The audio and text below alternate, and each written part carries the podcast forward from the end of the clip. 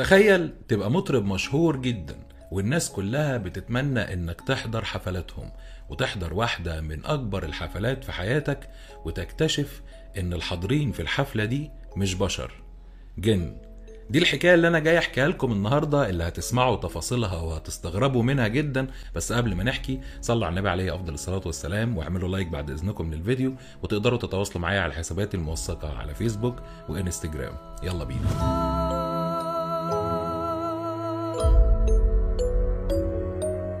الحكاية اللي هنحكيها النهاردة حصلت في التسعينات. بنتكلم عن نورة الطقاقة. ودي واحدة من أشهر مطربات الكويت وكانت مشهورة باسم الطقاقة لأنه كانت المطربات اللي بتغني في التوقيت ده وبتعمل حفلات الأفراح والمناسبات دي بيطلق عليها لقب الطقاقة أو الطجاجة نورة دي كانت مشهورة جدا وما كانتش بتحضر الحفلات كده بسهولة. انت علشان تحجز نورة تحضر حفلة عندك لازم تحجز قبلها بفترة كبيرة جدا.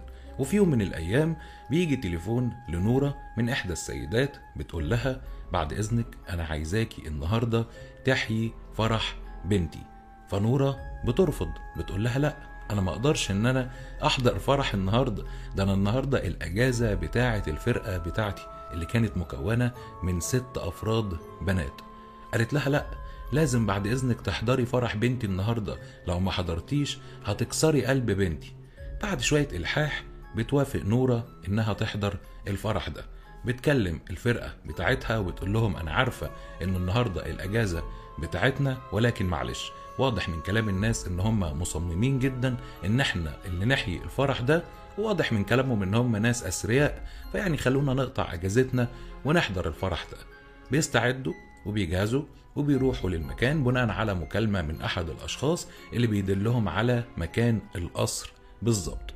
بيروحوا عند القصر بيلاقوا قصر كبير جدا ومظاهر احتفال عالية جدا جدا جدا وزينة ونور في كل مكان. بيدخلوا للقصر بيلمحوا المعازيم اللي موجودين في الفرح كتير جدا جدا جدا. زي ما قلت لكم كده في البداية إن هي واحدة من أكبر الحفلات اللي حضرتها نورة.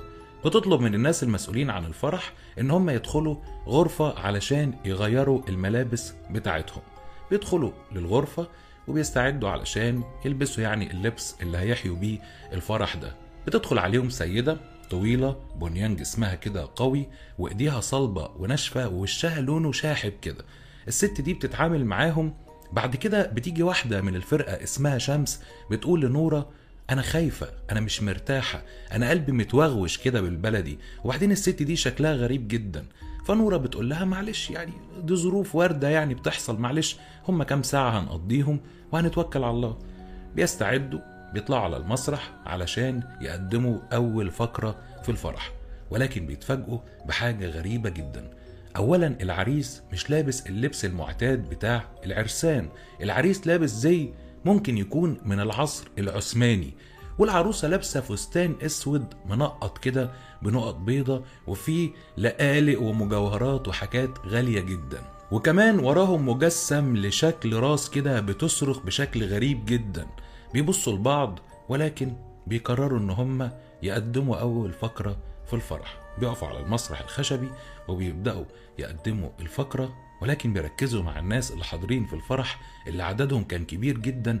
بيلاقوهم بيبصوا للفرقة بنظرات غريبة نظرات كلها اندهاش. مفيش يعني نظرة عادية كده كلها نظرات غريبة جدا. ده غير إن العريس والعروسة مش باصين لبعض أساسا وكل واحد فيهم بيبص في اتجاه بيبدأوا يغنوا ويقدموا الفقرة بتاعتهم بيلمحوا الأكل اللي بينزل أكل مش طبيعي أكل كتير جدا جدا جدا ممكن تقول عليه ولايم. دليل بأن الناس دول أثرياء جدا ومعاهم فلوس كتيرة جدا.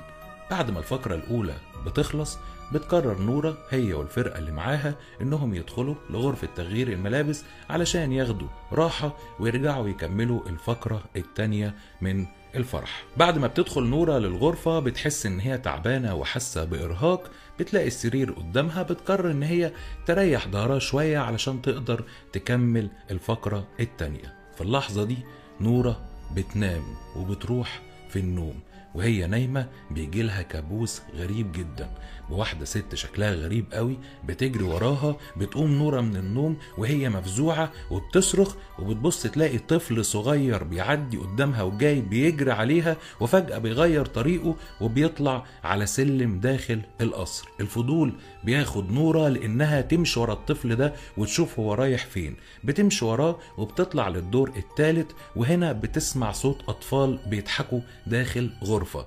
بتمد إيديها على باب الغرفة علشان تفتحها ولكن بتلاقي الغرفة مقفولة بشكل جيد ومحكم. هي مش قادرة تفتح الغرفة دي. فجأة بتسمع صوت طفل صغير بيقول لها غني غني أنا بحب صوتك قوي بتستعيذ من الشيطان وبتنزل نورة للغرفة تحت مع البنات اللي معاها في الفرقة وبتقول لهم يلا علشان نكمل الفقرة التانية في الفرح ونخلص من الفرح ده. برضه شمس بتأكد عليها إنها مش مرتاحة للفرح ده ولكن نورة بتطمنها وبتقول لها وقت صغير وهنخلص ونروح. بيطلعوا تاني على المسرح علشان يقدموا الفقرة التانية ولكن بيحصل شيء غريب جدا أثناء تقديم الفقرة. الفرقة وهي بتغني بيبصوا على البنات والسيدات اللي موجودين في الفرح بيبصوا على رجليهم بيلاقوا شكل رجليهم متغير تماما عن الشكل الطبيعي. الشكل ده شكل رجلين حيوانات. ده مش شكل رجلين طبيعية أبدا. وساعتها شمس بيغمى عليها. بياخدوا شمس وبينقلوها لغرفة تغيير الملابس بتدخل عليها نورة بتطبطب عليها وبتطلب إن هي تقعد معاها لوحدها وبتقول لها أنا حاسة زيك وفاهمة. معلش هو وقت صغير هنخلص فيه الحفلة دي. وهنمشي. قالت لها ده مش فرح بني أدمين ده مش فرح بشر. بتقول لها معلش أنا عارفة إنه ده فرح جن مش بشر. بس خلينا نكمل الوقت اللي فاضل علشان ما يأذوناش ونمشي. بيطلعوا على المسرح علشان يكملوا الفقرات اللي باقية. عدد الناس في الفرح بيزيد أكتر وأكتر وتحركاتهم بتزيد أكتر وأكتر وفجأة بيعلو صوت أذان الفجر. ومع صوت أذان الفجر بيتقطع النور في المكان كله. بتخرج نورة والفرقة بتاعتها من الباب بسرعة وهم خايفين وفجأة بيبصوا وراهم بيكتشفوا صدمة. بيلاقوا القصر اللي وراهم اللي كانوا شايفينه كبير جدا وضخم جدا وفي نور ومظاهر احتفال عالية جدا عبارة عن فيلا صغيرة مهجورة. هنا نورة بتتصدم هي والفرقة وفجأة بيظهر قدامهم شخص ما يعرفوش ظهر منين. أنتوا إيه اللي جايبكوا هنا؟ أيوه أنا عارفك انت نورة اللي بتغني. هو في إيه بالظبط؟ أنتوا جايين هنا إزاي في الميعاد ده؟ إحنا كنا في فرح إحنا كنا في فرح هنا إحنا كنا بنقدم فرح. قال لهم استحالة تكونوا بتقدموا فرح. الفيلا دي مهجورة بقالها سنين. فرح إيه اللي أنتوا بتقدموه؟ الكلام ده مش صحيح. وبعدها بتختفي نورة والفرقة بتاعتها ومحدش بيعرف عنهم حاجة وبعد فترة بتتكلم نورة للصحافة وبتحكي اللي حصل لها وإنه ده سبب اعتزالها هي والفرقة بتاعتها واتجاههم للصلاة والقرآن وتركوا الغنى تماما. عايشة نورة في فيلا من ساعتها منعزلة عن الناس بتسمع قرآن والفيلا بالداخل كلها آيات قرآنية متعلقة على الحيطان. بس كده هي واحدة من أغرب القصص اللي أنت ممكن تسمعها في حياتك ليها علاقة بالجن وليك الحرية إن أنت تصدق الكلام ده أو ما تصدقوش شارك في التعليقات وقول إيه رأيك؟ هل الكلام ده صحيح ولا من وجهة نظرك كلام غير صحيح؟ بس عايز أكد عليك وأقولك إن دي مش رواية ولا قصة مكتوبة في كتاب ده قصة اتحكت من صاحبة الشأن وفرقتها اللي اعتزلوا. الغنى بعد ما كانوا واحدة من أقوى الفرق في دولة الكويت. يا رب ما كنتش طولت عليكم واكون حكيت لكم الحكاية اللي كانت معايا النهارده بشكل مبسط وسهل. كان معاكم أخوكم ناصر حكاية. السلام عليكم.